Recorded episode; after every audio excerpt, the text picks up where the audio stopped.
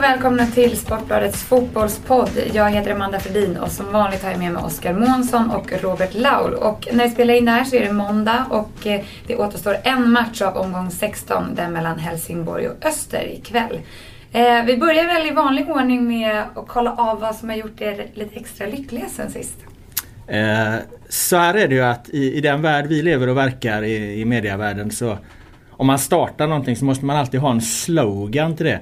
Jag vet att när liksom Jan Helin förändrade Aftonbladet från en tidning där liksom de journalistiska ambitionerna sattes främst till någon form av eh, lunarstorm för vuxna så gjordes det med en slogan som var att Aftonbladet ska vara mötesplatsen för människor som vill vara uppdaterade. Och när, eh, när man gick från liksom att webben var det viktigaste från att tidningarna var det viktigaste tidigare, papperstidningen, till att webben blev det viktigaste. Då, då hade man ett, ett, myntade man begreppet online först. Nu har ju Oskar Månsson kommit på en slogan för våran podd som jag tycker är helt fantastisk. Som vi liksom känner att vi, vi alltid kan enas vid när, liksom när folk är iväg och ligger i, i, i rosémarinader i Italien eller väntar på sina flickvänner som ska komma hem med, med valfångaren från Svalbard och så vidare. Då kan vi alltid säga podden framför allt. Och då samlas vi här och kör och alla är på topp. Och här är vi. Och det gör mig lycklig. Gud vad härligt. Oskar, vad har gjort dig lycklig? Podden framförallt. Jo det stämmer att jag myntade här. För det var när jag var lite gnällig på er att ni, ni kom inte loss liksom. Och då sa jag det, podden framförallt. Eh, jag minns första semesterdag idag till exempel. Men ja. var, var sitter jag? Jag är på samma jävla stol som jag har suttit de sista eh, fem åren typ. Ja, jag är en av få lediga eh, förmiddagar och, och Amanda du är väl mentalt kvar på, på Amalfikusten i Italien och, och ligger där och sörplar rosévin ur ett sugrör. Så. Men! Podden framförallt. Podden framförallt. Jag blev glad eh, när jag tog tunnelbanan hit och de spelade lite banjomusik. Den sista färden? Är det sista färden? Ja. ja. Så, såg de likadana ut eller? Eh, ja, ungefär. Han liknar väldigt mycket Erik Niva, den här pojken. Ja, men det ser de, ser, de i sista färden ser ut ungefär som Niva Den kan ni youtuba, youtuba den lilla videon. Om ni inte har sett den. Det har ni säkert gjort. Oskar, jag såg att du lovade på Twitter att det kanske skulle bli eh, den längsta podden någonsin. Så det är väl lika bra att vi hugger in direkt. Känns så va? Eller hur?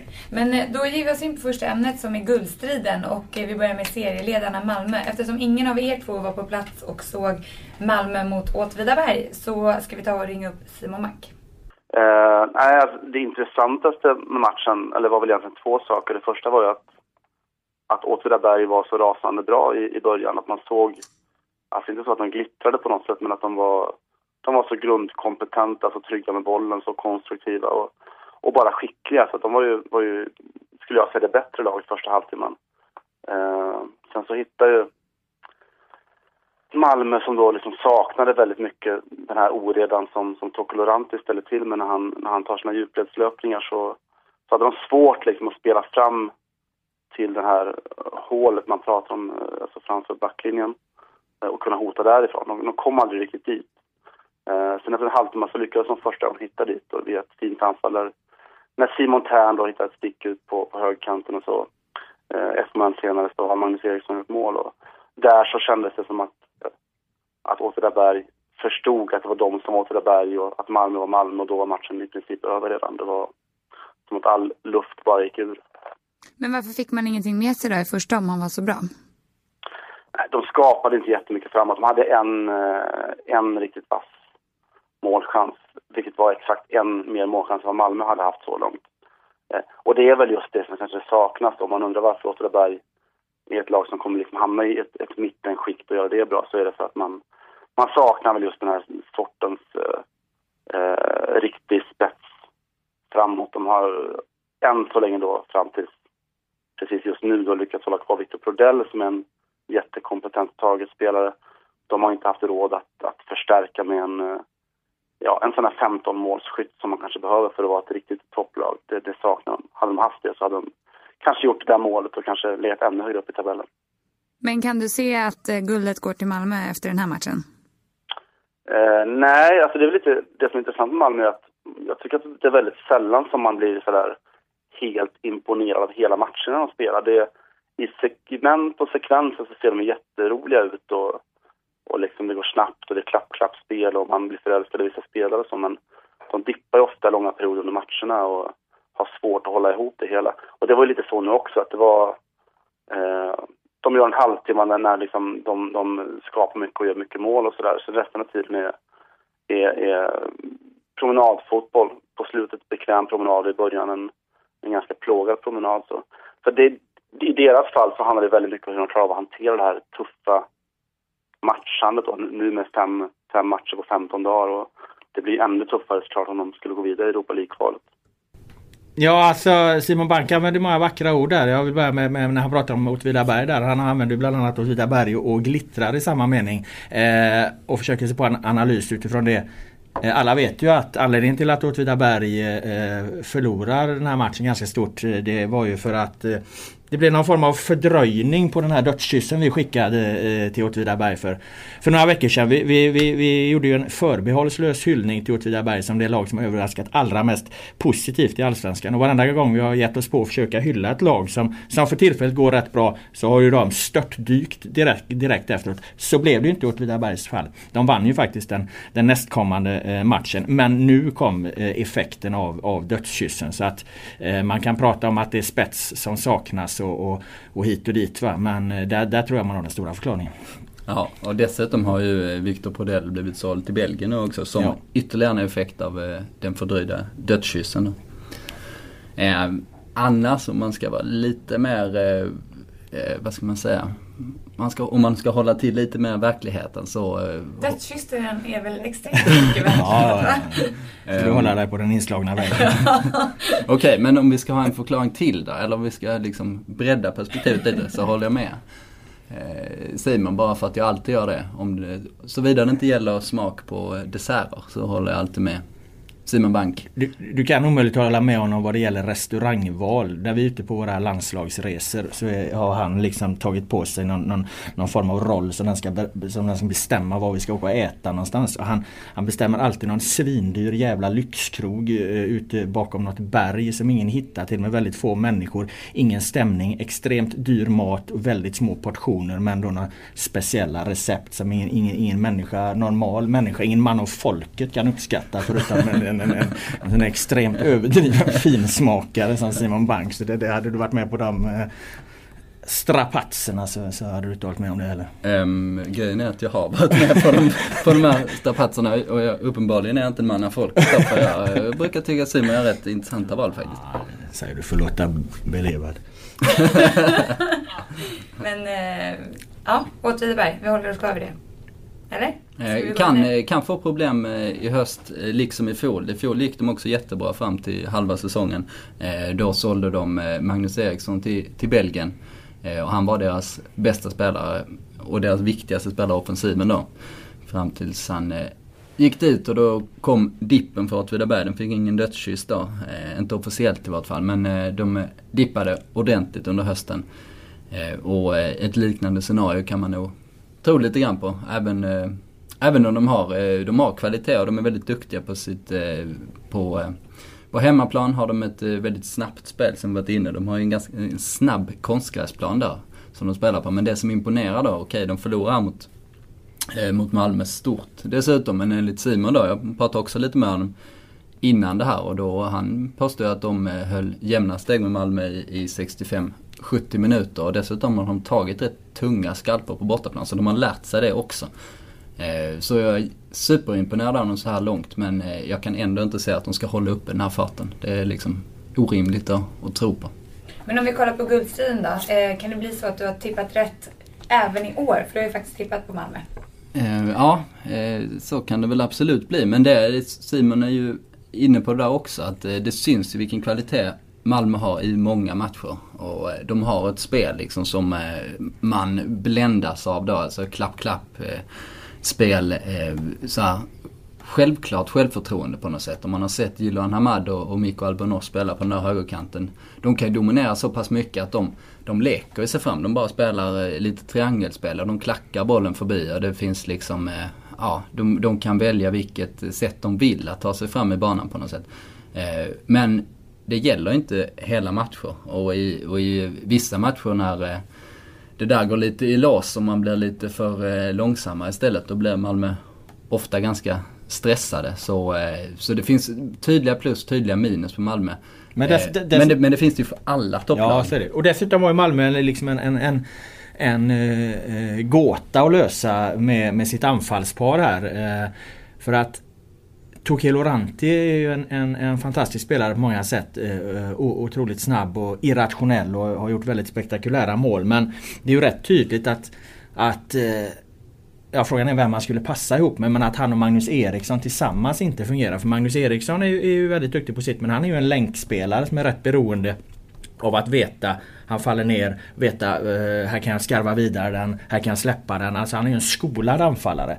Eh, uh, Tokelo Ranti eh, ligger ju inte i, i, kanske de naturliga positionerna. Han kan ju vara borta nere liksom vid, vid en hörnflagga och inspektera om gräset är tillräckligt bra för att göra en soloride mm. eller något liknande. Va? Och det är klart att det, det, det blir inte helt enkelt att spela med det. det. Det är därför jag tror att de de faller ur ramen i vissa matcher när de här har spelat tillsammans. För att det finns liksom inga inga, vad man kan kalla det, liksom eh, naturliga eh, vägar framåt som de alltid kan falla tillbaka på. Utan det går mycket på, på, på eh, improvisation och irration, irrationell, irrationalitet och så vidare. Så att där har Malmö ett problem. Men det, det är ju precis som du säger, alltså, den, här, den här guldstriden. De sa att jag skulle tippa den efter halva allsvenskan var spelare och efter lagen hade gjort 15 omgångar här. Det var någon någon vecka sedan jag skrev det var ju bara en idiot som försöker, försöker sig på, på att tippa där, För det här kommer ju bli ett, ett race hela vägen in i mållinjen och det, och det kommer påverkas av så många, många olika faktorer.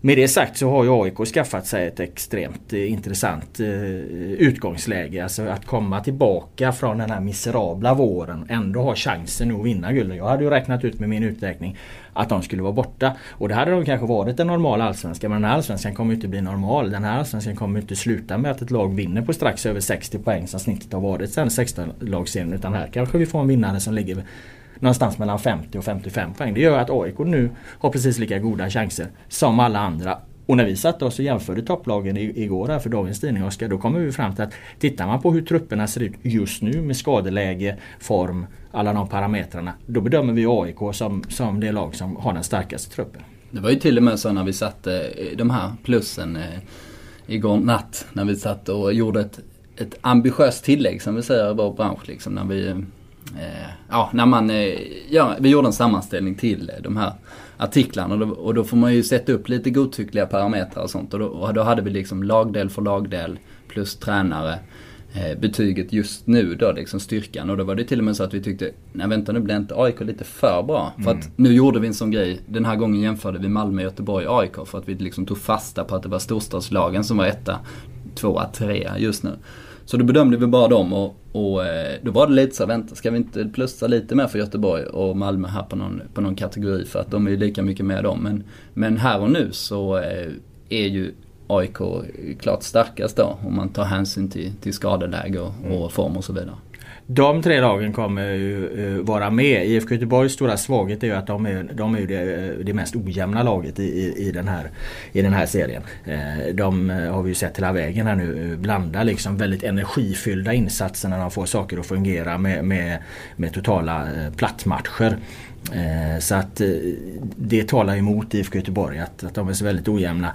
Eh, tittar man på Kalmar som vi fortfarande får, får räknas med där så kan man ju säga att de är det enda lag som överhuvudtaget inte har en, en, liksom en fungerande anfallsduo som, som gör eh, väldigt mycket mål. Åtvidaberg har du redan Eh, varit inne på eh, att de, att de inte kommer hänga med hela vägen. Och sen återstår ju då Elfsborg som vi, var, vi till och från har varit djupt imponerade av. Eh, men nu verkar ha, ha någonstans liksom den totala bilden att Elfsborg, att Elfsborg har drabbats av det här eh, syndromet som finns kring den klubben. Att när de är favoriter och när de har ett, ett fantastiskt jävla lag, då fungerar det inte för Elfsborg. Eh, när de vann i fjol då var det första gången på flera år då de inte var favorittippade. När Jörgen Lennartsson gick ut och sa att, att de skulle liksom vara topp 8 och allt det. De jobbar väldigt konsekvent med att hålla nere förväntningarna. I år var det ju fullständigt omöjligt för dem att göra det eftersom de, de, de har gjort sin Champions League-satsning med Bangura. De, de var bästa laget i fjol och de har ännu starkare trupp. Så att de har ju varit extremt eh, favorittippade i år och, och, och, och historien upprepar sig. De, kan, de, de tycks inte kunna hantera detta. Nej. Däremot om vi gått igenom eh, även Elfsborg den här sammanställningen, då har de ju säkert också fått höga betyg liksom. För de har ju, de har ett jäkligt gediget bygge liksom. De har ju det. På pappret. Eh, hade Helsingborg varit med så vet jag inte hur vi hade satt riktigt. För de är extremt svårbedömda just nu då med om man både tar hänsyn till hur bra de har varit i, i vår. De har ju trots allt varit det absolut bästa laget som haft den konsekvent högsta nivån då. Eh, vilket avspeglar sig i målskillnaden då bland annat. Men eh, de har ingen försprång att gå på nu eftersom de har tappat all form de sista omgångarna och eh, ja, de har fortfarande nu har Bedoya försvunnit som vi pratat om länge och eh, det finns ju risk då att eh, Sadiko Malango också sticker, eventuellt Akam också. Och då, eh, har ja, framförallt Sadiko skulle jag tro för att han har ju så oerhört konsekvent i sina uttalanden. Det var ju efter Göteborgsmatchen här för ett tag sedan så, så står han ju i mixade zonen och, och hävdar att det har kommit in ett, ett, ett eh, nytt bud på honom och ett par meter bort står klubbdirektören och säger att det finns inga bud på honom. Så att jag menar det där är en ganska Känns som en ganska djup spricka där han verkligen, där han verkligen vill iväg nu då till, till Turkiet. Så att, eh, ja det råder det inget tvivel om. Det, ibland kan man ju tolka sådana där grejer som en eh, förhandlingsgrej och då spetsas det till lite kanske för mm. mycket av oss och sånt. I det här fallet är jag helt övertygad om att eh, han vet exakt vad han vill. och det är att sticka och Helsingborg vill ha kvar honom och blir irriterade på honom i och med att han är så tydlig med sin vilja. Hans kontrakt eh, löper ju ut också om, jag vet inte om det är efter nej, säsongen det, eller om nej, det är nästa sommar. Han, han, har, han har ytterligare, han har, han har in på 2014 Jag vet inte om det är sommaren eller om det, det är hela 2014. Men han, ah, kontraktet okay. går inte ut nu i alla fall så de är inte i det behovet liksom. Det finns inte på kartan att han förlänger det kontraktet åtminstone. Nej, det, det, så, det, så Helsingborg kan ju, kan ju inte räkna med att de får eh, över 10 miljoner för honom. Vilket de hade kunnat få om han haft ett längre kontrakt. Så kommer inte bli fallet. för att eh, Om de får några pengar för honom så är det förmodligen nu då och då tror jag det handlar om 5 miljoner eller något i den stilen. Det brukar vara, brukar vara i de summorna. Inga nya input från Reine? Nej, fan. Re, re, Reine har vi inte sett på ett tag. Eh, han brukar i och för sig inte, inte scouta här i Stockholm så, så mycket av någon anledning. Kanske tycker det är för långt att köra. Han, eh, och, och de senaste matcherna jag har sett har ju varit i, i, i Bromma och Södertälje. Så att, eh, nej, Reine, Reine har jag inte stött på. Bes, besvikelsen. Den djupa besvikelsen som jag och alla våra poddlyssnare känner nu. Eh, inför den här podden så bad jag er eh, säga vad ni ville snacka om. Oskar ville ju prata om guldstriden då eftersom han ju har tippat Malmö. Han ville också väldigt gärna ta upp att Robert, du har ju tippat Häcken. Ja. På en nionde plats just nu. Ja. Hur känns det? Eh, Nja, alltså det här, det här med tippning är ju intressant i det perspektivet. Alltså, du kan ju till exempel tippa ett resultat som är, är 2-0 till ett lag. Och sen så blir det 2-0 till det andra laget. Men den fotbolls, det fotbollsanalytiska tipset, det felaktiga tipset, kan fortfarande vara eh, mer, rätt och begåvad efter, eh, mer rätt och begåvat eftersom, eftersom fotboll är en så oförutsägbar sport. Och då talar vi alltså om en tabell som ska tippas eh, över 30 omgångar. Eh, så att eh, när det här tipset görs med det spelarmaterial Häcken har i förhållande till, eh, till de andra lagen så är det är det, det logiska och, och, och det mest begåvade tipset skulle jag säga. Sen, sen har saker inträffat som som ingen eh, riktigt kan förutse eller styra över. Jag menar Häcken har ju, har ju alltså farhågan med Häcken var ju att, att man inte skulle kunna ersätta Waris Majid och hans mål. Men det har man gjort. Mustafa El Kabiri i skytteligatoppen. Eh, Istället har andra, andra saker fallerat eh, som, som jag skulle vilja säga är, liksom, är fullständigt omöjliga att, gardera sig mot ur ett, ett, eh, tippningsperspektiv. Jag tror fortfarande att Häcken kommer väl eh, att det kommer bara lossna för dem förr eller senare men det är klart att de är alldeles för långt efter för att, för att och, slå sig in här. Det är för många lag framför och så vidare. Så det där tipset gick ju, gick ju åt helvete. Sen skulle jag ju tippa om serien här nu efter, efter 15 omgångar. Det, det vill jag inte riktigt göra men, jag, men min bedömning då var ändå att AIK har lagt sig i ett jävla slagläge liksom. Så att eh, vi får se om jag får in min, min andra serv här istället då. Vad säger du om logiken i det här resonemanget? Eh, har ni läst det? Kanja Strindberg? Han har en jävla bra eh, liten bok som man kan läsa som heter Endoras försvarstal. heter den. Det kan jag rekommendera varmt. Nej, alltså Häcken, häcken som guldtips det är absolut inget fel på det tipset. Det, ja, men titta det, här nu. Nu, nu. Jag har ingen professur i eh, matematik då till skillnad mot dig. Men sannolikhetslära det är jag jävligt vass på alltså. Eh, och tippa en enskild match eh, är ju jättesvårt och där kan hända mycket saker. Men om man tippar en hel säsong då har man ju så många faktorer att, eh, att ta hänsyn till. Så, så slumpens påverkan kommer att bli mindre över en hel säsong. Eh, och därför då kommer det utslaget, eller det argumentet gäller ju inte alls på en lång säsong utan det gäller ju på en enskild match. Liksom. Men du kan aldrig hävda att det är eh, någon form liksom av vetenskap bakom vem av alla de här lagen som nu ligger inom, vad fan ligger de inom? Eh, sex poäng. Om, det, om, om serien fortsätter och, och, är så här oerhört jämn då är det ju inte en Eh, Eh, då är det ju inte en, en, en tippning som kan förutse eh, alla de olika scenarion som kommer leda fram till vilket lag som sedan vinner. Sen, vi kommer ju sitta här om några matcher för att då har läget förändrats och så vidare. Malmö kan ha fått ett x antal skador och så vidare som är omöjliga att förutse. De kan ha gått vidare i, till Europa League och blivit påverkade negativt eller positivt av det. Eh, det kan hända så oerhört mycket som liksom inte går att förutse i, i ett tips.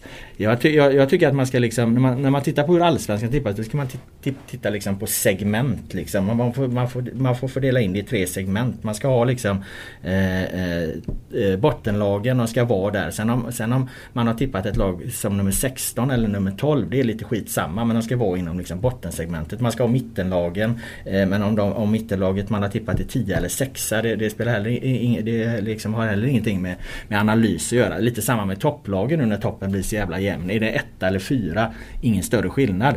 Så att ja, för stunden gör det rätt med att Häcken skrivetvis inte var nia. Utan Häcken ska innan den här serien upp till en, en om det nu är en toppstrid mellan sex lag, då ska de vara bland de sex. Då kan jag säga att ja, men då var det tipset okej. Okay, oavsett om de kommer etta eller sexa. Så, så bedömer jag alltid tips. Liksom, utan det, det handlar om liksom att pricka in dem i de olika segmenten. Däremot om Häcken slutar på en tionde plats Då har det varit ett misslyckat tips.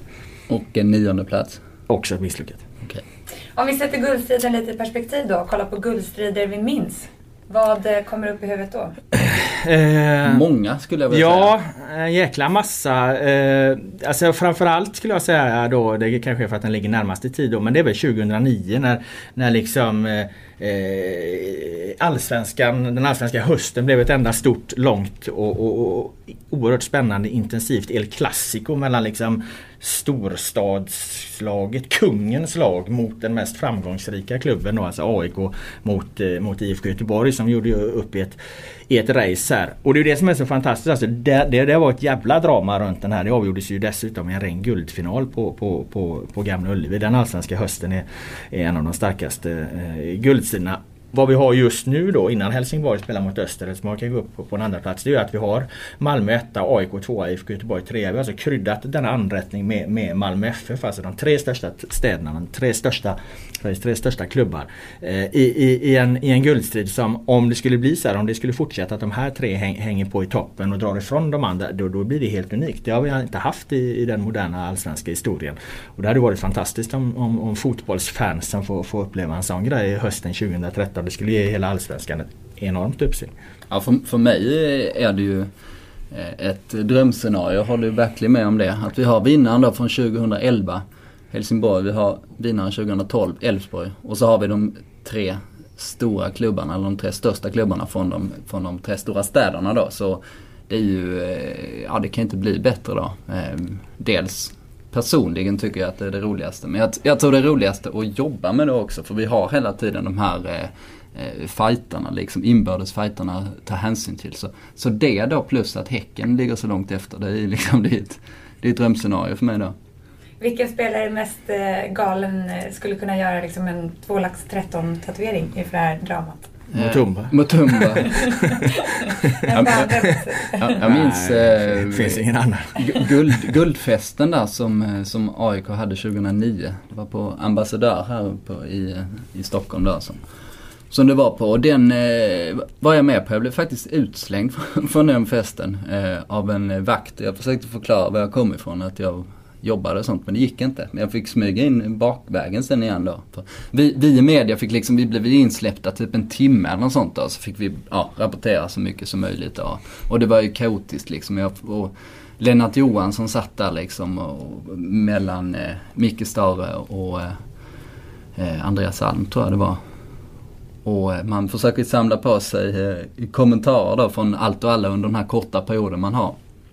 Och då fick jag stå och ropa till Lennart då liksom och det kändes inte så bra. Lennart, han såg ju knappt vem jag var liksom sådär liksom. Och, eh, och Micke Stare han, han sa så du fan ta, ta det lite lugnt med Lennart. Så sa jag så men jag har fem minuter så här till, till Stare. Och, och då sa Stare, då fick Stare liksom hjälpa mig att ta citaten från Lennart och sen fick han skrika dem till mig så jag kunde skriva upp dem på ett litet block då vem han, vem han tyckte var största guldhjälten då var min fråga då. Då valde han Daniel Örlund om jag minns eh, rätt. Men de där eh, guldfesterna är ju roliga i det fallet så Validatta hade ju sönder bucklan då på festen. Eh, Bojan Djordjic förklarar krig mot allt och alla. Och Mutumba hade ju, ja, hade ju show såklart. Han pratade bland annat om hur, hur kristallklar han var, minns jag. Att han tog in alla intryck. Han drack ingenting. Utan han, han berättade hur klar han är. Jag bara, jag bara tankar in intrycken liksom. Jag, jag registrerar allt liksom, så. Så, så eh, eh, det är ju för sig efter då, men det hör ju till. Alltså man ska ju ha ett värdigt eh, guldfirande. Mm. I Kalmar, jag tror det var Viktor Elm som gick hem med bucklan. Så lite så på småtimmarna, vinglade hem där och vi har någon rolig bild när han går iväg med den och sen så dagen efter så undrar alla var fan är bucklan någonstans? Men då hade ju Viktor somnat med den tror jag i, i sängen där. Ska man ska, om man ska göra ett lite längre, eh, se det här guldstriden lite, lite djupare, större, längre perspektiv. Då. Så alltså guldstriden 2001 då när, när Hammarby tog sitt historiska guld var ju en, en, en jävla grej också. Så då slutade alltså Allsvenskan med, med, med tre Stockholmslag i topp. Plus att jag tror att det var sex lag inom 6 poäng. Så att den påminner ju lite om den här men då var, då var Malmö långt ner i tabellen. De var överhuvudtaget inte mer uppe. Men då var det sex, sex lag inom, inom 6 poäng i, i tabelltoppen plus de tre Stockholmslagen i topp då. Och det var ju precis liksom när, när hela den här Stockholmsfotbollen började mullra igång. Va?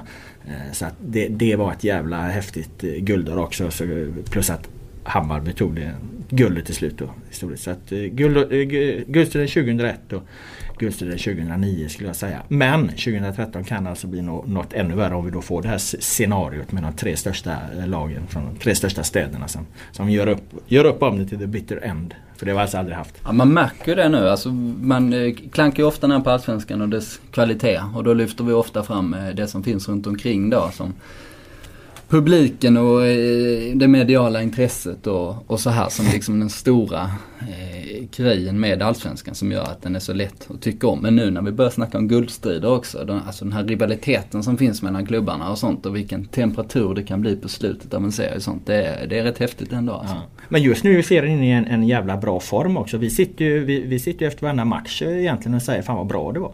Eh, ja. Till och med igår på, på Söder, i Södertälje då där man inte alls hade några förväntningar får vi se en, en jättefin fotbollsmatch. Återigen då detta stackars Syrianska som spelar är, är, det, är det bättre laget på många sätt. Men, eh, men förlorar då. Men, men spelar en väldigt fin fotboll och, och konstruktiv och, och kvalitetsfylld fotboll. Och vi konstaterar ju till och med liksom att domarna är inne i någon slags jävla formtopp. Vi såg BP ja. mot IFK Göteborg med, med var det eh, Martin Strömbergsson. Som eh, Alltså vi, vi, vi, tänker inte på ett enda domslut under hela matchen. Jag kommer på det dagen efter. Fan, det var ju domare den där matchen också. Så det brukar ju i regel vara ett gott betyg för då, då, då, har, har, då har man inte reagerat på några felaktiga situationer. Jag tycker, jag tycker till och med att Martin Hansson var, var, var riktigt bra mot, eh, mellan, eh, mellan Syrianska och, och AIK igår. Den här utvisningen på alla. Alexander Milosevic. Det finns stöd i regelverket och jag tycker att bedömningen är, är korrekt. Så att eh, Ja, just nu är Allsvenskan inne i en formtopp på, på alla tänkbara sätt. Va? AIK hade ett enormt bortafölje på, på matchen. Bara, bara hoppas att, att publiksiffrorna tar sig ytterligare ett steg eh, så att även liksom historieböckerna kommer synas att det, att det har varit en fin allsvenska. Jag har lite dåligt samvete för det nu när du tar upp det för att efter matchen där så kom eh, eh Gayat Moro som är säkerhetsansvarig i Syrianska. Eller hans titlar har bytt namn många gånger. Ett tag hade han den fenomenala kombination av sportchef slash säkerhetsansvarig. Eh, och nu vet jag faktiskt inte vad han har för titel eh, riktigt. Eh, men han jobbar åtminstone med säkerheten nu fortfarande. Och efter den här matchen då kom han fram till mig och, och, sa att skriv nu om hur fantastiskt det var på läktaren och vilken bra stämning det var. Liksom. Och det, en vädjan sa han och det sa, det sa jag då att det håller jag med om liksom. Det får vi se om vi kan lyfta fram. Och det har jag inte gjort då. Så, det nu Då får jag säga det nu att det var, var en bra trevlig publikmatch också med eh, mycket känslor och eh, bra tryck. Eh, men inga stökigheter då som, som det tyvärr varit just på, på den här matchen. Det var ju framförallt för två år sedan då där det var ett jäkla efterspel. Ja, det har blivit en himla rivalitet mellan AIK och Syrianska efter det. Men här förenas ju klackarna eller de olika supporterlägren i, i, i hyllningen till Turina då i, i, i den 27 minuten. Då är ju Syrianska med på noterna och det, det var ju fint att se. Podden framförallt. Det är ju så istället. Du spar ju det bästa till podden. Ja, just det. Just det. Så det ska han ju bara vara tacksam över. Podden framförallt. det borde jag sagt till honom. Tror ni han hade fattat det? Ja men det kan vi alltid svara om folk. Skriv om det här nu, då sparar jag bara podden framförallt. Så, så säger vi något snabbt om det och så är det klart. Precis. Eh, men eh, 2001 och 2009, eh, bästa guldstriderna. Och ja. Vill du tillägga något år där eller? Eh, ja, det, är så, det är många bra eh, guldstrider kan man väl säga. Eh, alla på de sista åren skulle jag vilja säga. Eh, om vi tar de närmsta, ja men förutom eh, alltså 2011. 2011 där var ja men det var, den jag, det var den jag tänkte räkna bort där för att det var Helsingborg för, för bra helt enkelt. Och 2010 var ju Malmö och Helsingborg. Det, blev ju, alltså det, var ju, det var ju häftigt men det är ju i en landsända serien levde då egentligen. Jo men han är ju skåning. Jo jo men han får väl ha lite bredare perspektiv.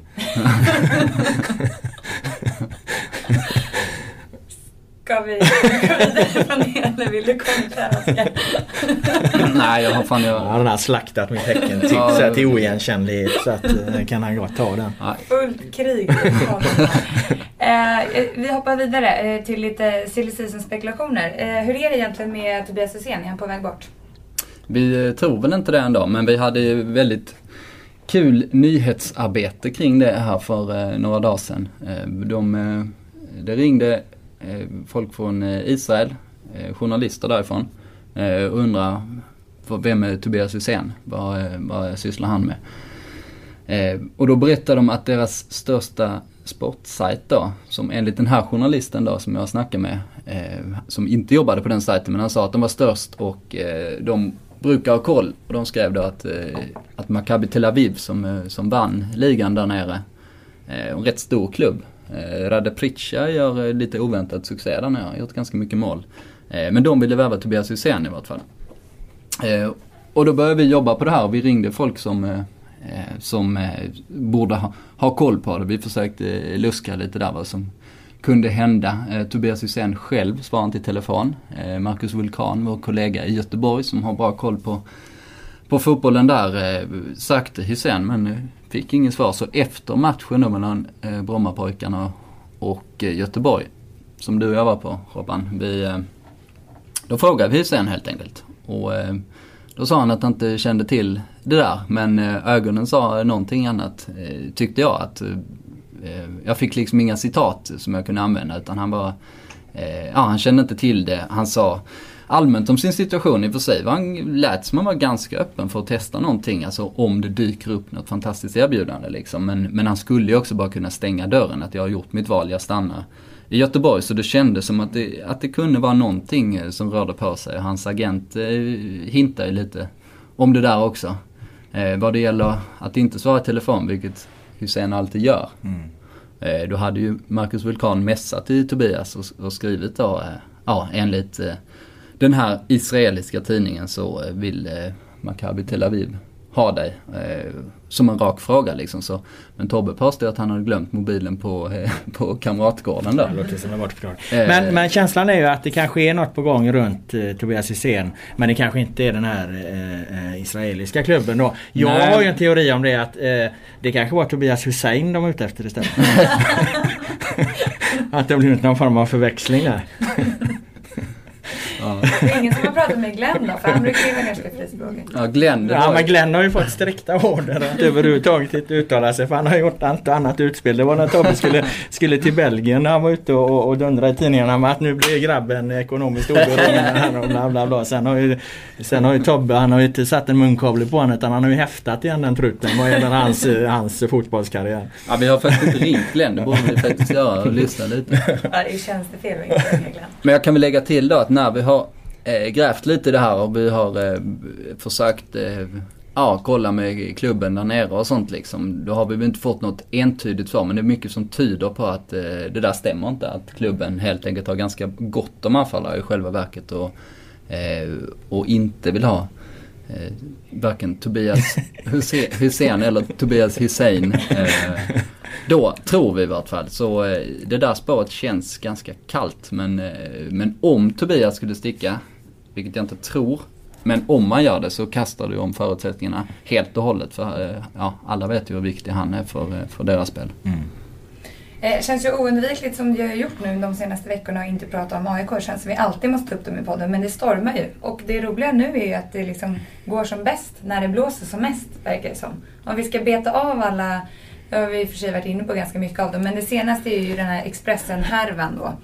Om vi ska gå igenom den lite bara. Ja, alltså det man först kan säga är ju att varför AIK då eh, eh, gör bra resultat fastän det stormar, det är ganska enkelt att svara på. För att eh, Alltså finns det någon klubb som kan hantera stormar så är det AIK för att de befinner sig i någon form av ständigt kaos. Eh, det, är ju helt makalöst alltså hur mycket saker som, som händer runt den här föreningen. Så att eh, ledaren... Men nu måste det le, le, Ja, alltså, ja, ja så är det ju. Alltså, så är det absolut. Men jag menar då, då, har de ju tidigare år att falla tillbaka på att de är så oerhört vana att hantera eh, eh, stora, stora stormar. Jag menar det, det, det såg man ju då eh, när Ivan Turina gick bort så hamnade ju AIK som en fotbollsklubb i en situation som är så fruktansvärt svår att hantera. Det är så oerhört mycket som, som kan gå fel. Men alltså deras, deras krishantering den, den var ju 5 plus. Inte, en, inte ett krishanteringsföretag hade, hade klarat att sköta det så jävla bra som de, som de gjorde i den oerhört svåra och tragiska eh, situationen. Och, och, och, det är ju för att den, den, här, den här klubben den,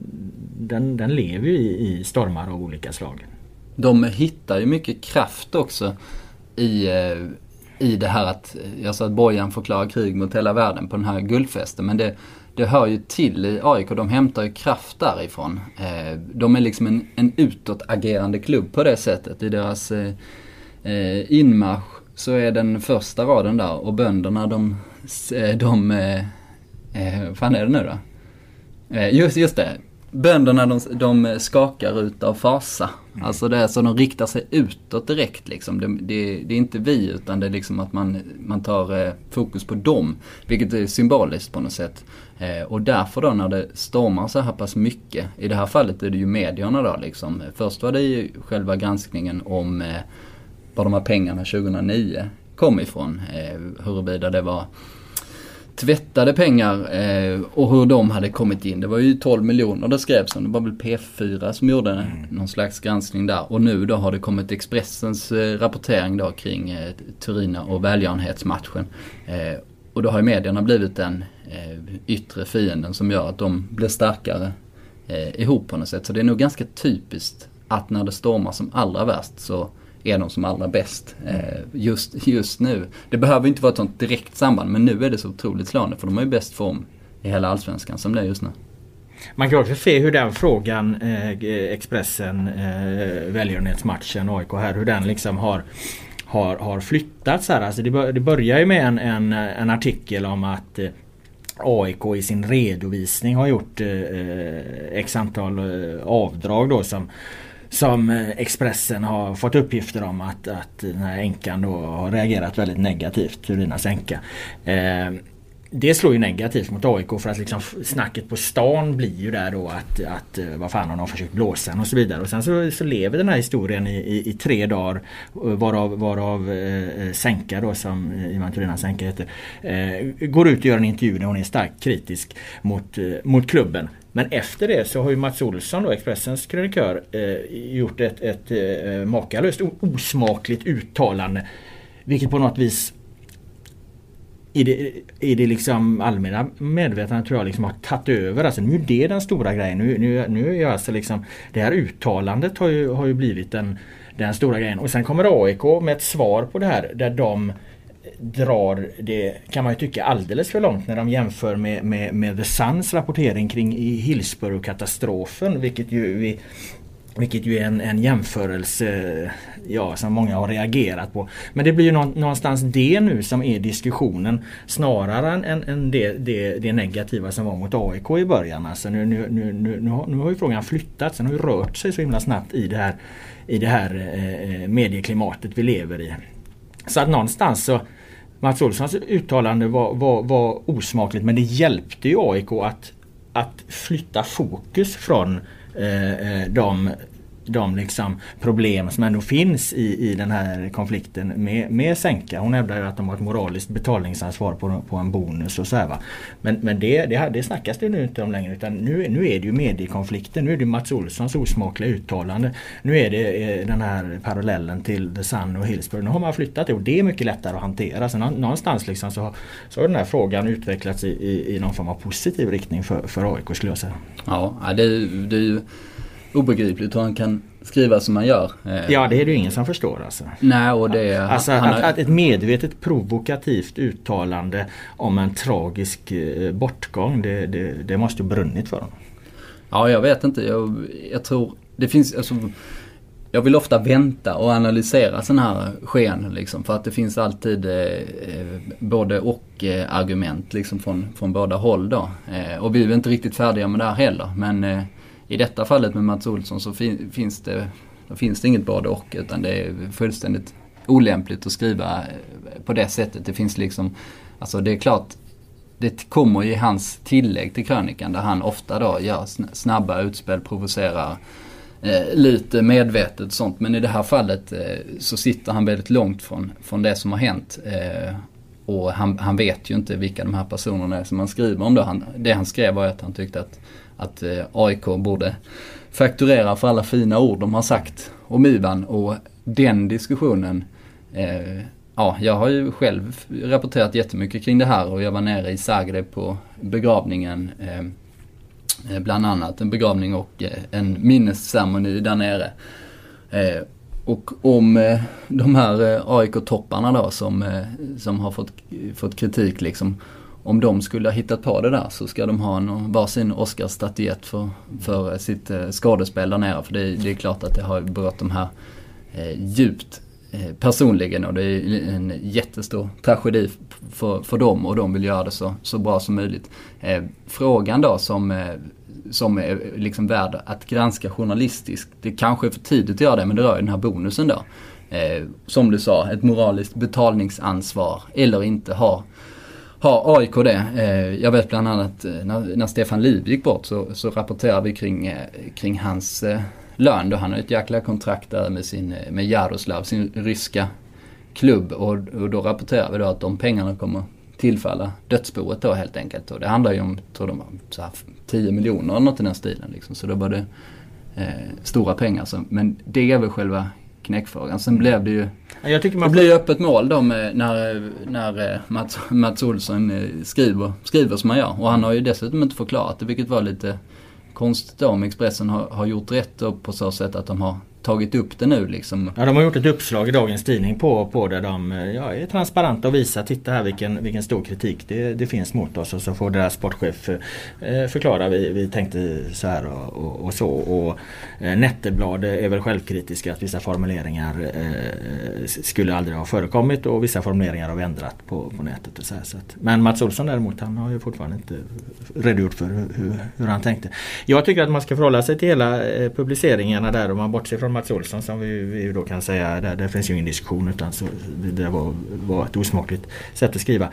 Så eh, det finns olika delar här. Den första artikeln eh, som kommer ut tycker jag är, är tveksam ur ett publicistiskt perspektiv för att det blir så tydligt att man går uppgiftslämnarens ärenden. De har ju fått uppgiften i en väldigt känslig fråga eh, som inte kan tolkas på något annat sätt än att de vill sätta press på AIK i den här eh, känsliga frågan. Ska man göra det? Ska man inte göra det? Ja, det blir en publicistisk diskussion. De bryter kanske inte mot några juridiska regler. Men eh, de reaktioner som uppstår mot Expressen de är, är ju helt berättigade. Det, det, det, blir ju frågetecken. Vems ärenden går man när man gör det här? Så att den, den är tveksam ur ett publicistiskt perspektiv.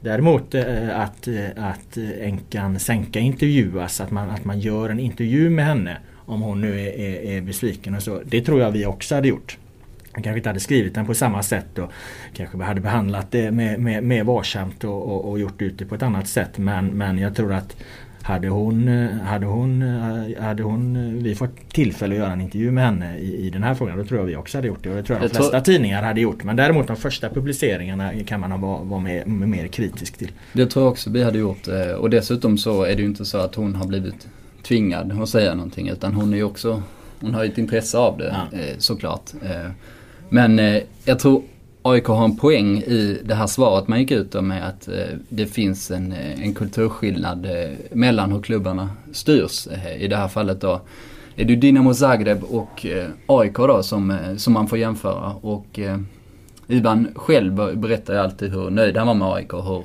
bra allting funkade här i Sverige. Liksom. Jag pratar med honom jättemånga gånger om det här. Det var han sa, except, except from this fucking weather, sa han. Liksom, eh, så älskar han allting och det var hans sociala situation. Men han, han, han eh, eh, trivdes så bra med sina lagkompisar då.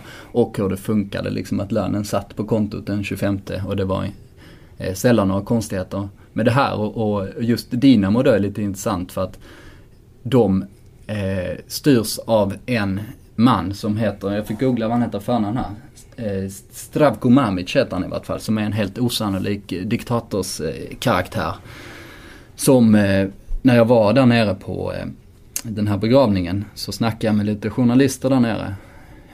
Och de ville veta hur Andreas Alm såg ut. För att de väntade på den här minnesceremonin och då skulle hela AIK-truppen komma. Då ville de veta, okej okay, vem är vem? Så då bildgooglade jag Andreas Alm till dem och så sa det är han där liksom. Så de hade koll på det. Eh, och då frågade jag vem, hur ser eh, Stravko Mamic ut? Och eh, då bildgooglade de honom och den första bilden som kom upp var en bild där han stod och gjorde en romersk salut någonstans.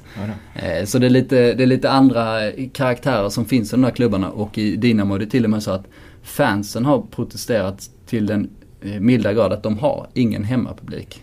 Det är liksom en jättestor klubb som spelar på Maximilstadion jag var på en match där. Eh, de hade redan vunnit ligan, de mötte eh, tvåan i ligan men det var ändå en ganska stor match. Eh, dessutom ett annat lag från, från Zagreb.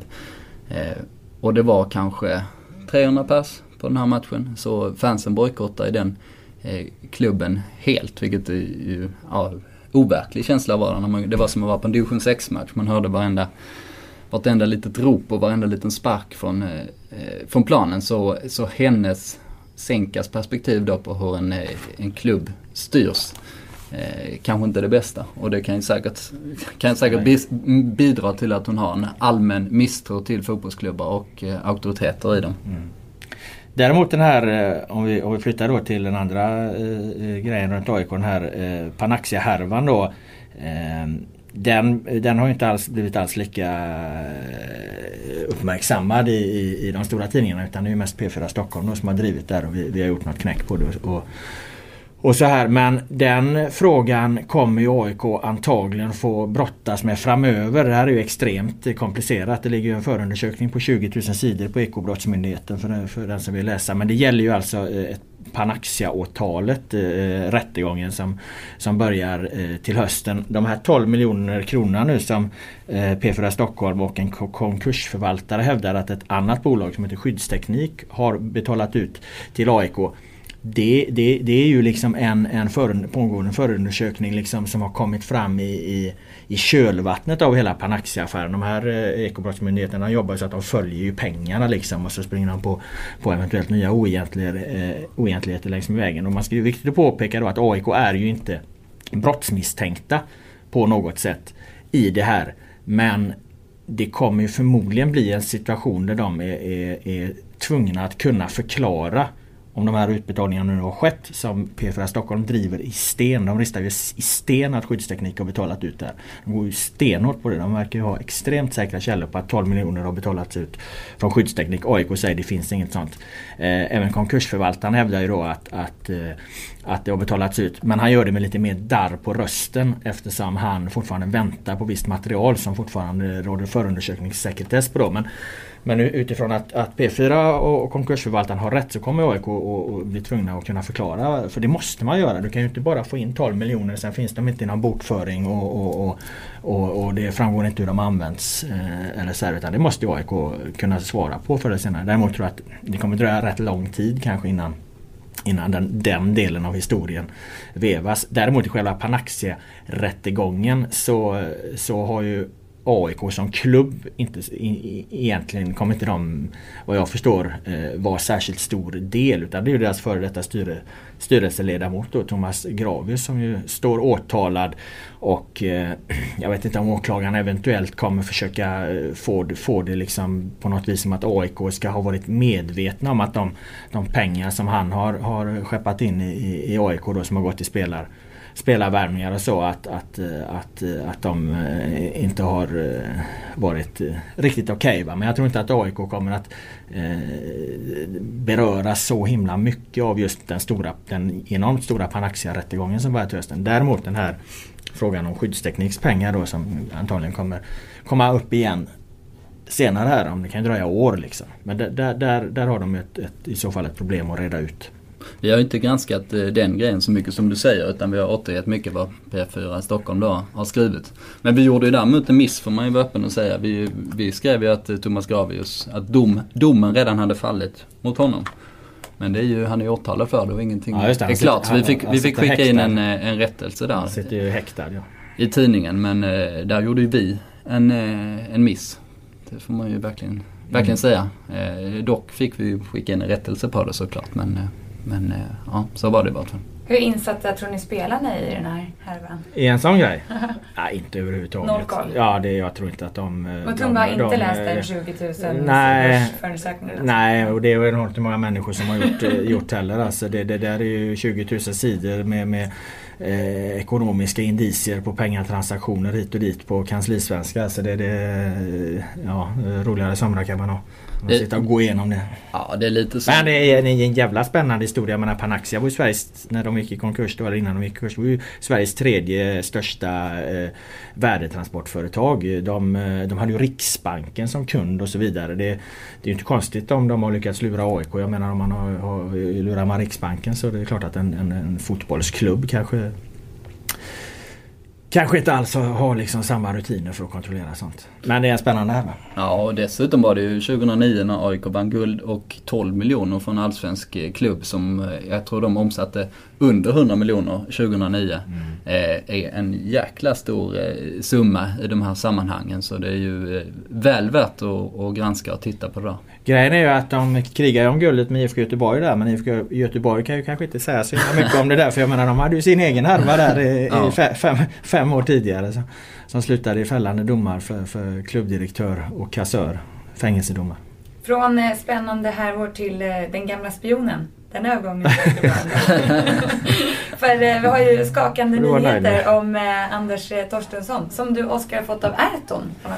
Ja, jag var ute på en eh, Djurgårdsträning här skulle göra en intervju med Daniel Amartey, eh, Djurgårdens supertalang. Detta missbrukade ord men, i detta, men vad det gäller honom så är det ju befogat eh, att sätta de orden, eh, eller sätta den stämpeln på honom. Hur som helst, då snackade jag lite med Erton också på, eh, eh, på eh, träningsanläggningen och eh, han kan ju sin Anders Torstensson.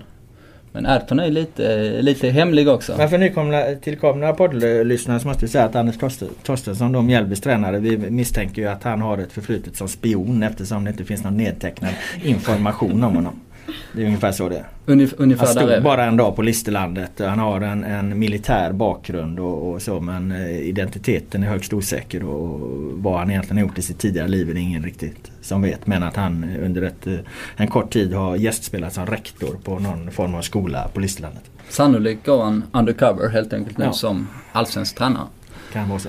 Eh, högst sannolikt kan jag lägga till.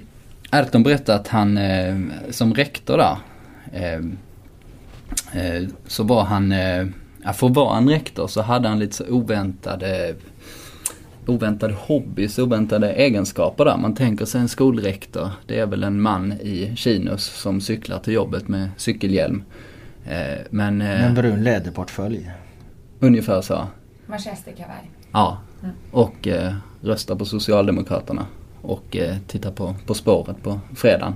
Det är inget fel med det. Eh, jag, har inte, jag, jag har inte lagt någon vär- värdering eh, va- vare sig mot Nej, men- cykelhjälm eller mot eh, På spåret. Ja, det är det ett jävla fel på. Men, Eh, eh, på men han är tydligen en, eh, han kör motorcykel. Och han kör motorcykel fruktansvärt jävla snabbt.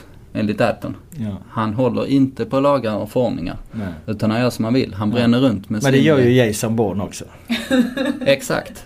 Eh, Han är en jävel på att köra motorcykel. Ja, men han bränner loss där på, eh, på eh, Listerlandet. Dessutom så spelar han mycket poker. Mm.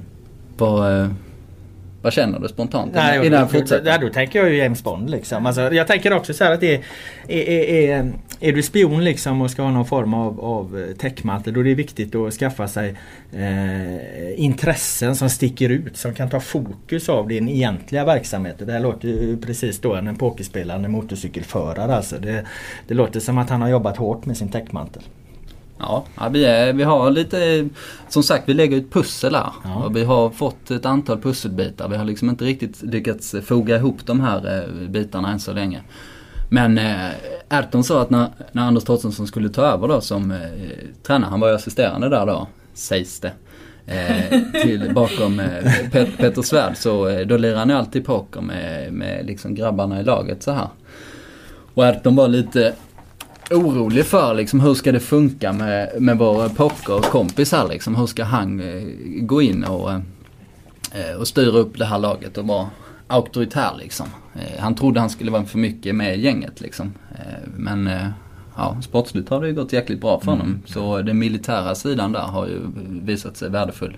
Så här långt med tanke på att eh, Mjällby fortsätter ju gå bra. Jag såg matchen i, igår då när de slog eh, eh, Djurgården med 2-0 i en helt eh, obestridlig seger. Så eh, ja, allting, allting går Anders Torstenssons väg. Men presenterade du eh, spionlinjen för Ayrton? Jag gjorde faktiskt det. Vad sa han? Sa han? Han flinar ju lite liksom. Och jag, tolk, jag vet inte om jag ska tolka det som att jag tyckte det var kul det jag sa. Men får du Eller, känslan- eller att han, han vet någonting. Ja men jag kände precis det. Får du känslan av att Erton egentligen vet mer? ja. alltså? Jag får alltid känslan att Erton vet mer. Ama- Amanda och jag berättade ju story när vi träffade Erton på, på Götgatan här i Stockholm eh, sent en, en kväll när han stod med tre Toblerone i fickan. Nej, ballerina. Ballerina var det Jo, det, det stämmer inte heller. Han skulle hämta sin bil på en verkstad mitt i natten och sånt också. Men Finns det ens någon bilverkstad där på Götgatan? Känns jävligt skumt. Ja det finns en, eh, en Renault-specialist där som, som lagar min gamla Renault för många år sedan. Skitsamma. När vi ändå pratar om, eh, eh, om Erton och Mjällby och Djurgården så har ju Erton ett fantastiskt citat i, i pressen här idag. Han, ja, Djurgården fick ju stryk av, av Mjällby här och han eh, Mjällbyfansen sjöng ju, ja de hånade ju honom för liksom att han hade bytt från ett lag till ett annat lag. Att det var en dålig flytt och så vidare. Han skulle stannat kvar. Åh Lärton, Erton, hur mår du nu i vecka från Strandvallens läktare efter Mjällbys 2-0 vinst?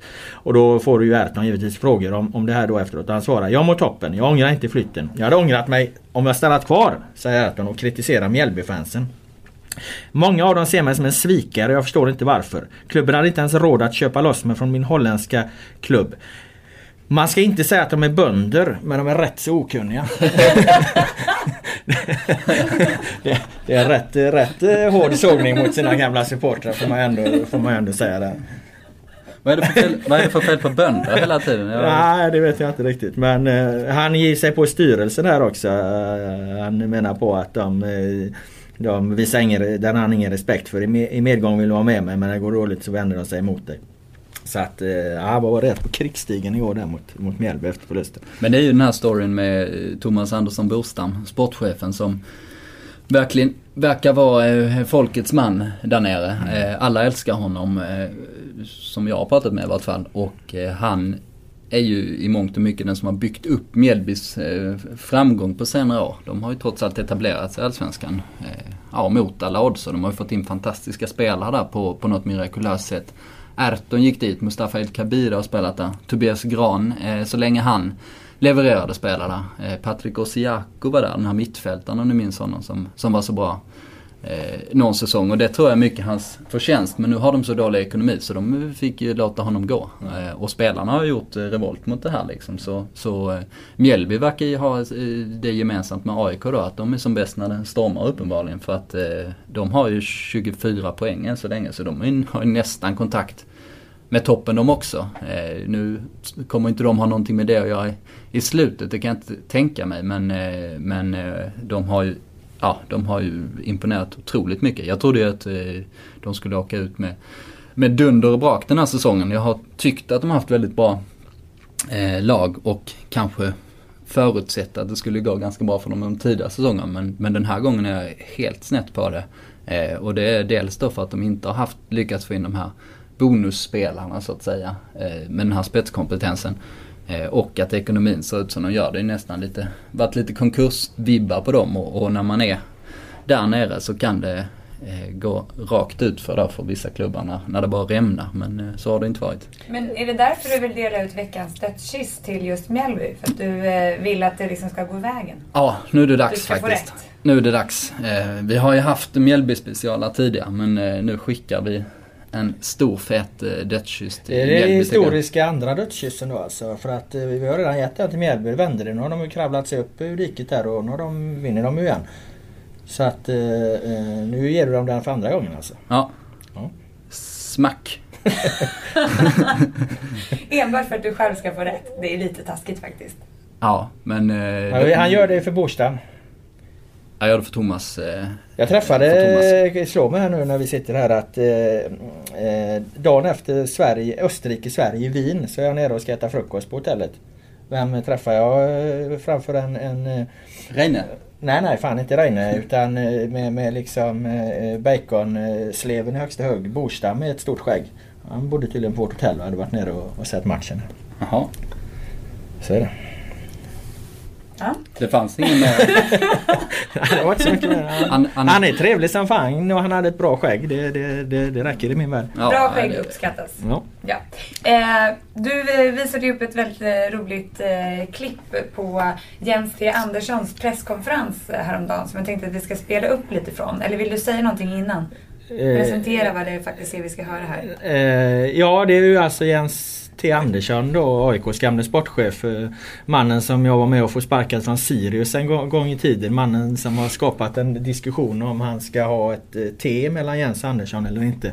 Eh, som ju ja, plötsligt, mycket plötsligt lämnade AIK som sportchef för att extremt, ännu mycket mer plötsligt dyka upp som sportchef i Hajduk Split. Och det har ju varit en månad nu. Och de har spelat sin första ligamatch här nu va? De vann med 5-1. Var de redan gått igång med Ja, eller ligan, nej, eller? kanske var försäsongsmatch. De vann i alla fall. Det var, var första matchen. Och eh, Jens T Andersson håller eh, presskonferens. Och, och, alltså, jag, jag, jag har snart sett den här presskonferensen nu fler gånger än, än, än jag har sett eh, Dark Knight Rise. Så det här är fantastiskt alltså. Vilket är en hel del. Vi spelar den helt enkelt.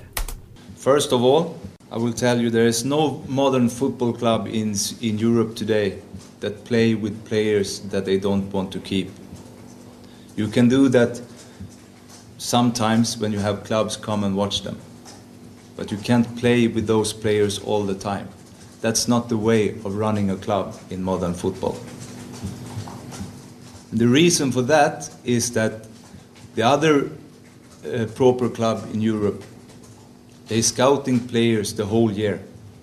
They even do the transfer deals during the whole day. It not happens in the summer window or in January in the winter window. It happens during the whole year. So what we have to do in Hajduk is to play with the player that we see should bring Hajduk a, suc- a successful future. And if someone asks me to come and watch a player that we are interesting to sell, of course we will play him in that game. But we won't play them every game. That's not the way to work.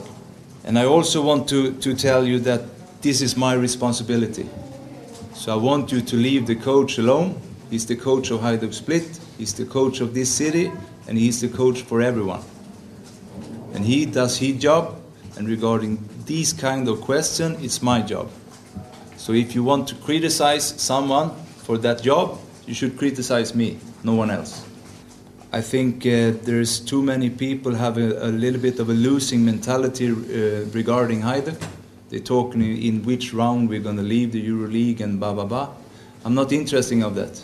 I'm interested of figure out how we're going to proceed to the group stage, but because I really believe we can do that. Alltså här sitter alltså då denna Jens T Andersson och, och, och, och alltså han ger ju ett intryck av att han har färdats på de sju haven. Att han har besegrat Attilas hunner. Att han har hittat ut ur labyrinten på Knossos. Alltså Eh, det, det, det är fullständigt makalös eh, prestation av honom. Han läxar upp eh, Hajduks, eh, eller de journalister som följer Hajduk. Han berättar hur den moderna fotbollen fungerar. Efter en månad så kliver han, kliver han fram och säger lämna tränaren i fred. Släng skiten på mig alltså. Jens T Andersson. Alltså jag tycker det är helt, helt makalöst. Ja, jag drog mycket på smilbanden också när jag, när jag, när jag kollade, kollade på det här. Alltså man har fortfarande inte fattat. Jag är ju fortfarande inte säker på att är jag, är jag verkligen Hajduk? Och så sitter han bara där ändå. Han sitter på podiet och läxar upp journalisterna. Som om han färdats på, på alla sju hav. Ja men det känns lite som att han tycker att han är färdigutbildad nu. Jag, jag träffade honom i, i Portland här i, i vad var det, februari tror jag det var. Eh, Portland i USA eh, där AIK befann sig på ett försäsongsläger och sen så gjorde jag en, en lite längre intervju med honom. Eh, och då kunde jag för övrigt kunde inte alls se att han skulle sluta AIK då. Han, han berättade att de hade en tävling hemma hos polarna i Uppsala där de utsåg årets pappa. Eh, det var liksom den som hade gjort mest för familjen och eh, sina barn då i hans kompisgäng. Han sa att jag har inte varit aktuell för den titeln än så länge eh, sa han apropå hur mycket han jobbar. Så frågade jag, men vill du bli det då? Och då sa han, ja det, det vill jag men, eh, men just nu så är det inte läge för det liksom. Så han, han hade liksom inga öppningar för att han skulle lämna AIK så det kom väldigt eh, plötsligt. Eh, men, men han var också så att han, han pratade mycket om att han hade jobbat under sex eh, transferfönster då. Han kom in sommaren 2010 när det var kaos i AIK verkligen och, och gjorde ett gott jobb där. Då höll han ju en låg profil. Det var liksom, han fick växa in i rollen då. Han, det var först då när vi satt och snackade som han började ta på sig den här kostymen på något sätt. Att nu, nu är jag där på något sätt liksom. Och han, eh, ja, vi snackade lite efter om det liksom. Och han tyckte att, eh, ja men nu vet jag lite mer hur alla spelregler ser ut och sånt liksom. Och nu, vet, nu eh, känns det bra och, eh, och veta att jag gick in lite mjukt. Men eh, så den här retoriken var, den nivån var han faktiskt, faktiskt inte på. Eh, så jag vet inte om, eh, om Expressen var där på den presskonferensen eller någonting. Men eh, jag vet inte vad de har skrivit. Eh, det, det, borde man kanske ta reda på men det är någonting ja, som har... Det finns så mycket att gräva i, i, i, kring detta alltså, så att eh, du får åka ner och träffa honom som du var inne på där. Eh, ett tillägg bara där. Alltså jag tror det var tidningen Mama, heter den så va? Mm. De utsåg en gång för ett tag sedan Marcus Birro till årets pappa. Årets pappa? Ja, och eh, Marcus Birro, jag menar det är bara att titta och öppna Expressen. Alltså han, han, han skriver på denna sida, han sitter i TV. Eh, eh, han, han, har sin familj, den kan han inte hinna med särskilt mycket. Så att jag menar för att, för att vinna en, en, en titel som Årets pappa så, så behöver inte alltid jobbet stå i vägen utan det där kan du få av, av helt andra orsaker. Men årets presskonferens eh, ligger han ju bra på. Ja det gör han ju definitivt alltså. Nu i alla fall. Men jag tror de med Hajduk, eh, han pratade lite om nyförvärv. Folk kanske lite otåliga där för Hajduk är en stor klubb men de har eh, gått igenom ett ekonomiskt stålbad och har ny ledning och sånt här. Så när jag pratade med honom precis när han var klar. Då sa han att det, läget var lite som sommaren 2010 då. Mm. Så jag vet inte om, om det finns redan har liksom varit stora förväntningar och sen så har det inte hänt så mycket. Har jag, har, Kanske. Har, har, jag berättat den här, eh, den här Sirius-historien eller? Eh, ja, för mig har du, men det är nog många som är nyfikna tror jag. Ja, men han, en bra story. han var ju alltså eh, tränare i, eh, för Sirius då. När de låg och sladdade i Superettan. Eh, det här är alltså, vad är vi på då? Vi är på hösten eh, 2008 eller hösten 2009 möjligen. Och jag blev uppringd av en, en, någon, någon, någon form av lokaltidning från Uppsala som, som helt plötsligt vill ha mina åsikter om, eh, om Jens T Andersson liksom. Och, och Sirius utsatta tabelläge. Så jag tänker fan det här kan bli en klassiker. Så att jag bad den här journalisten skicka frågorna på mail. Och sen så eh, satte jag mig och eh, ja, researchade Sirius. Alltså jag visste knappt vad Sirius var. Det är klart jag gjorde. Men jag hade ingen vi alltså, jag följde inte Superettan på det sättet. Framförallt inte bottenlagen då. Så jag kollade upp liksom hur hade säsongen förlöpt, vad hade hänt och, och så. Det går att skaffa sig ganska mycket information på nätet. Och sen så inser jag ju då att eh, Jens T. Andersson han har inte lagt upp det här på något bra, bra sätt. Han har ju kört en stenhård försäsongsträning. Eh, så att när spelarna går in i serien så är de ju redan eh, mer eller mindre slitna för de är inte vana med, med, med, med en sådan tränings mängd och, och, en sån träningsmetodik och så vidare. Så att sen när det kommer mot hösten liksom och resultaten eh, går emot då, då är de chanslösa. Då, då, då, behöver de, de behöver ha in en, en eh, ny injektion. Liksom. Så att eh, slutsatsen var ju glasklar. Jens T Andersson måste avgå. Då måste jag ju fråga. var fick du din information om? ja men jag kan inte röja alla källor. Men, eh, eh, så att jag svarar ju på de här frågorna och, och ja, vad, vad jag tycker och tänker helt enkelt. Det blir stora rubriker i, i, i i Uppsala och eh, Jens T Andersson eh, tvingas ju mycket riktigt avgå eh, kort därpå. Eh, räddade dock inte Sirius kvar i Superettan eh, men, men eh, det hade det kanske kunnat göra för att i den här vevan så anmäler ju jag, Simon Bank och Erik Niva vårt intresse för att eh, ta över Sirius. Det har varit en, en intressant utmaning. Alltså vi, vi, har bevakat mycket fotboll på alla håll och kanter. Vi hade ju en klar och, klar och tydlig plan där. Niva skulle scouta spelare då. Han eh, har ju varit i varenda liksom, eh, garage i, i, i varenda förort runt om i världen och pratat med fotbollsspelare. Så han hade ju garanterat kunnat göra ett, ett, ett par fynd där. Simon han kan föra sig i de finare salongerna, det har vi redan varit inne på. Han hade blivit en exemplarisk eh, eh sportchef. Han är ordnad och eh, hyfsat strukturerad. Så där har vi våran välklädde sportchef och... Eh, och du är materialare eller?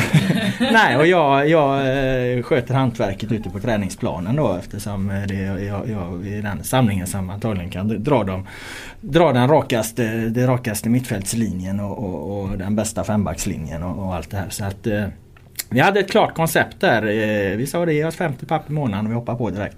Men, 50 eh, papp tillsammans? Eller? Nej, 50 papp var då. Ja. Men eh, nej, de var inte ens intresserade av att, eh, att ta en seriös diskussion med oss Sirius. Och, och jag menar, vad, vad ligger de nu? De är ju, gjorde vi i och för sig bra i Svenska Cupen men de är ju med i division 1 nu. Jag menar Sirius Sirius situation hade kunnat se helt annorlunda ut om, om de hade nappat på det erbjudandet.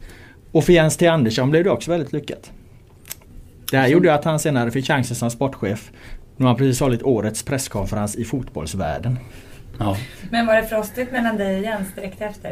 Eh, nej, han tog det där med ro. Han eh, kommenterade det hela med att han minsann hade inte sett Robert Laul i, i gymmet under försäsongen och undrade liksom lite vad hade jag för källor egentligen. Så han blev lite tagen på bar gärning där.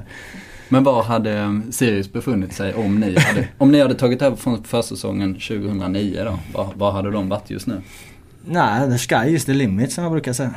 Alltså det, det, det hade kunnat gå oerhört bra. Det hade varit oerhört intressant eh, eh, koncept för en klubb att få testa sig. Men jag tror jag hade granskat det fruktansvärt hårt.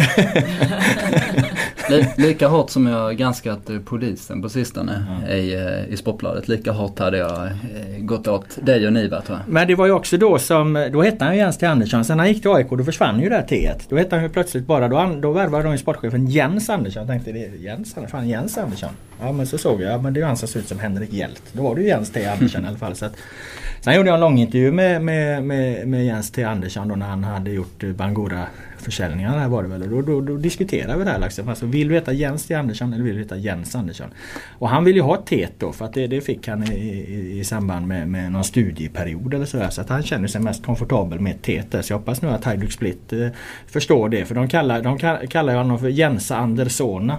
Och det är väldigt långt från Jens T Andersson. Så där har de lite att jobba på, på, på kommunikationsavdelningen. Men det kanske också passar bättre i hans nya nu, lite mafioso-stil. Jens Andersson. Ja, det låter lite mer badass. Ja. Men eh, det var inte det presskonferensen handlade om då?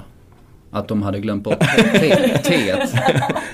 det var därför han kallade Ja, jag bara... Kan, kan en, en rimlig tanke. You must show me respect. Give my tea back. ja, vi rundar av med sista ämnet som ju är eh, Nanne och Öskan. Två avhopp och en eh, som ångrade sig. Jag skrev krönika när Örskan eh, avgick. Eh, de ringde härifrån och sa att eh, jag ska skriva krönika. Jag motsatte mig att skriva den krönikan för jag sa att han kommer inte avgå. Eh, grunden till det är att Syrianska har ett förtryckt matchprogram. Det ser likadant ut inför varje match. Och på framsidan så, så är det ju en, alltså en, en, en close-up på Örskan och så två spelare, Toma och någon till i, lite i bakgrunden där. Alltså, så att, det är klart att, att Örskan inte skulle avgå. Jag har inte granskat eh, matchprogrammet men eh, eh, när man tittar på den här presskonferensen så trodde man inte på det. Nej. För att Öskan han var för tydlig med att nu avgår jag verkligen och det är liksom omedelbar verkan. Så avgår jag. Och då kände man att han, fan du tar i lite för mycket. Det är, liksom, det är för mycket dramatik här på något sätt. Och när vi pratade om det här om dagen, ja innan vi skulle åka på den här matchen igår då, Syrianska AIK, då sa vi att det här har inte hänt. Alltså Nej. känslan är att det här har inte ens påverkat. Det har ju inte ens varit en, ett eh, skeende. Eh, man kan bara tänka sig vad som hade hänt i en annan klubb om, om Magnus Persson då efter den här presskonferensen där han inte ens var med. Utan det var ju Tommy Jakobsson som höll den då och berättade att han avgår. Och eh, Magnus Persson avgår. Om Magnus Persson hade dykt upp dagen efter och sagt nej, fan jag ångrar mig alltså. Eh, då hade det nog inte varit riktigt som i Syrianska men... Eh, ja, det men lite som när Robert Laul säger upp sig ungefär två gånger per år. Då tänker man det här är inte riktigt Jag hem. säger aldrig upp mig två gånger Jag säger upp mig efter eh, mästerskapen när jag är totalt utpumpad och det står jag för. Tänk att, äh, att branschpressen går på den här varje gång. Ja, ja, men det gäller ju att... Örskan blev inspirerad. Han ska, vill också jaga björn. Björnträck i bakgrunden. Nej men Örskan det var väl det var ju en, en, en eh, förtroende... Vad ska vi kalla det? En eh, förtroendemanifestation. Nej men han ville han ville väl att folk skulle sluta upp eh, bakom honom. Det, det, jag tror att att, ja det är kanske folk som har lyssnat på den här podden för jag sa ju efter någon stark Syrianska insats att fan det är fantastiskt bra det här laget. De kommer klara sig kvar och så vidare. Och folk runt Syrianska, i Syrianska eh, verkar inte haft någon vidare förståelse för för den verklighet de lever under med den här eh, oerhört svaga truppen de har som är så, så skadekänslig och, och, och så och förväntar sig bättre resultat. Eh, och, eh, Örskan vill väl helt enkelt eh, signalera det att ni, ni, ni, måste visa förståelse för den här situationen. Och det är precis vad, när jag pratade med honom igår efter matchen, det är precis vad han säger. Alltså att han, han, han, det skedde en uppslutning kring det här. Så att jag tror att det här har nog varit, jag undrar om inte hela, hela jag undrar om inte det är fler människor i Syrianska som har varit med på den här grejen. Alltså, eh, sportchefen, vad heter han, Grigo där kanske, och, eller ordförande i alla fall. Och så. Alltså det, det, det, har nog varit ganska eh, regisserat. Så, att, eh, så det har ingenting att göra med hans eh, lite yviga humör? Nej, jag tror, inte att, jag tror inte att det är temp jag tror inte det är temperament. Jag tror inte att det är, är något så impulsbeslut. Jag tror att det här kan vara mer, mer sanktionerat och, och, och mer noggrant uträknat än så. Man kan ju konstatera att den Eh, hyllningen du gjorde där, det var ju, all, det var ju dödskyssens mamma. ja, eh, efter du sa det så har de tagit, de har ju tagit två poäng på nio matcher efter det. Eh, och nu ligger de ju dyngsist i tabellen så den, den satt ju där eh, den skulle. Kan man säga. Ja, det tycker det, jag, det jag tycker synd, eller jag gillar, alltså jag tycker Sydöstra spelar en jävla trevlig fotboll och igår var fan de... De var ju bättre än AIK i första halvlek, helt klart. Så ja. att jag vi, vi blev lite interna där kände jag men eh, för de som inte har följt det här så jag måste ju förtydliga det att efter varje mästerskap så ringer du till branschpressen och så säger, och så säger ja, du nu, nu slutar jag. Det får du i helvete lugna dig. Alltså, det har jag aldrig någonsin ringt till branschpressen. Eh, Google, jag, Google-tips. Eh, jag, skri- kolla på... Eh, jag, jag, skriver på min blogg eller på, på Twitter att nu, för nu är jag fan i det här liksom. Och sen ringer de. Det ja, ja. Så jävla utstuderat är det inte. Eh, det är nog ganska eh, klart hur det där går till. Eh, man, Google-tips, eh, googla Laul plus björnjägare så har ni Lauls bästa utspel i Men du måste ju förstå att det, det är ju ett, det är ett sätt att överleva. nej, men det är ett sätt, nej men för att man, man kan ibland vara så, när man gör ett mästerskap, de, man är, de har jobbat från, från förra sommaren och så ett år och så ska man egentligen ha sin semester men så går man in och kör stenhårt eh, i en månad varje dag 24 timmar om dygnet. Alla kanaler, TV, radio, Twitter, allt fan nu. Eh, och då är man ju så utbränd. Om man då därefter ska ta en, en, en, en, vanlig industriarbetarsemester på, på fyra månader då hinner du aldrig du hinner liksom inte landa, det har erfarenheten lärt mig. Du måste, på, du måste hitta eh, verktyg och nycklar att, att koppla bort så du inte direkt börjar fundera på det man ska göra till hösten och så vidare. Mitt sätt att frikoppla allt det, det är att säga jag slutar jag, jag, jag, nu skiter jag i det, jag jobbar inte längre. Och då, men funkar det? Eller? Ja, för fan det är kanon. Då går, jag, då, går jag på, då går jag på semester. Jag har funderat en sekund på att jag ska jobba egentligen. Jag är helt borta. Jag har ett, ett, ett, mitt liv är som ett blankt ark. Ja, och, och, och, och, det gör det mycket lättare att komma ner. Sen så, så, så kommer det en morgondag när de här fyra veckorna är, är, är slut och så. Men då är du på ett helt annat sätt utvilad än om, om du har hållit på liksom och, och haft i bakhuvudet att du ska tillbaka och jobba hela tiden. Så att det är en, en, en en metod, metodik som fungerar, fungerar, bra. Jag har inte varit så publik med mina sådana, mina sådana tankar men eh, jag känner igen att man blir utbränd efter ett mästerskap. Du och jag Amanda var ju på London-OS till exempel och jobbar 16 timmar om dygnet i, i tre och en halv vecka och då är man... Ja, man är helt rökt. Då ringer det i huvudet när man kommer hem kan jag säga. Du kände säkert igen. Alltså vi har ju världens, vi har ju världens bästa jobb. Alltså man ska ju inte sitta här och sitta på några alltför höga piedestaler utan alltså det är ju ett fantastiskt jobb alltså. Men, men just de här mästerskapen som ju är toppen av jobbet. Det är kryddan på eh, Banks eh, dessert. Det, eh, Kryddar han dessert? det är ju, de sliter ju fastän de är fantastiskt roliga. Mm. Ja. Så, så, så är det. Eh, Nanne Bergstrand eh, ska ju däremot sluta. Det är ju inga eh, tomma ord.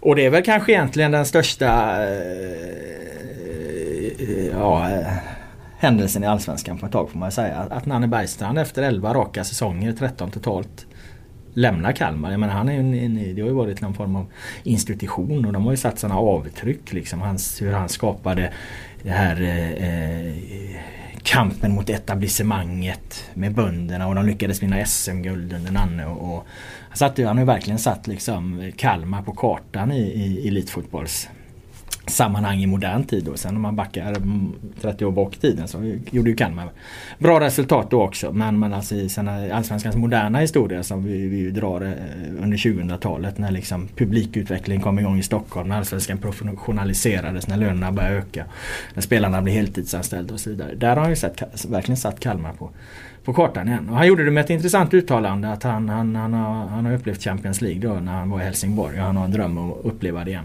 Det tolkar jag som eh, på två sätt. Antingen så är det ju en känga till Kalmar att han inte tycker att de satsar tillräckligt för att det går ju inte att hamna i någon skandinavisk klubb, svensk klubb eller norsk eller dansk klubb och, och vara garanterad för något Champions League. Däremot tror jag inte det är omöjligt. Men, men antingen riktar han sig mot Kalmar att han tycker att här satsas det för dåligt och så vidare. Eller, eller också så är det helt enkelt ett sätt att, att styra historieskrivningen. Eh, hur gick det egentligen till när Nanne Bergstrand lämnade Kalmar? Var det Kalmar som inte ville förlänga hans kontrakt? För det går ut. Eller var det eh, Nanne Bergstrand som lämnade för att han hade högre ambitioner än, än Kalmar? Jag tror att vi, vi har någon form av eh, svaret är, är, ligger någonstans och skvalpar i, i den här fyrkanten som jag har ritat. Mm, jag tror du är rätt på det faktiskt. Jag har haft samma känsla på det.